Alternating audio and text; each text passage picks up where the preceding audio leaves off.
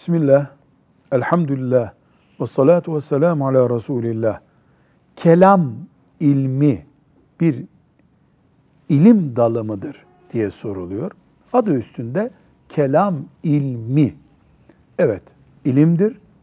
Ümmeti Muhammed'imizin asırlardan beri medresesinde din öğretmek için okutulan ilim dallarından birisidir. Hadis gibi, tefsir gibi, fıkıh gibi, miras ilmi gibi, herhangi bir din ilmi gibi.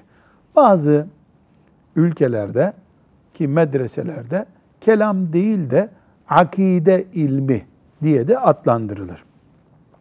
Kelam ilmi imana ait konuların derinlemesine okunduğu ve öğretildiği ilim demektir.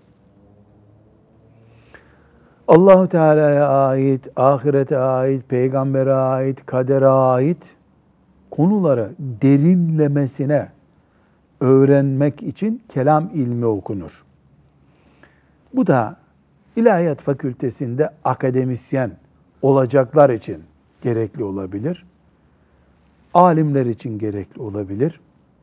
Müştehit olacak insanlar için gerekli olabilir. Bizim gibi sıradan bir Müslümanlık yaşayan, ilim adamı olmayanların kelam ilminin derinliklerine girmesi, eline bıçağı almış sıradan bir insanın beyin ameliyatı yapması kadar riskli ve sakıncalıdır. Kelam ilmi alim ilmidir. Avam ilmi değildir. Velhamdülillahi Rabbil alemin.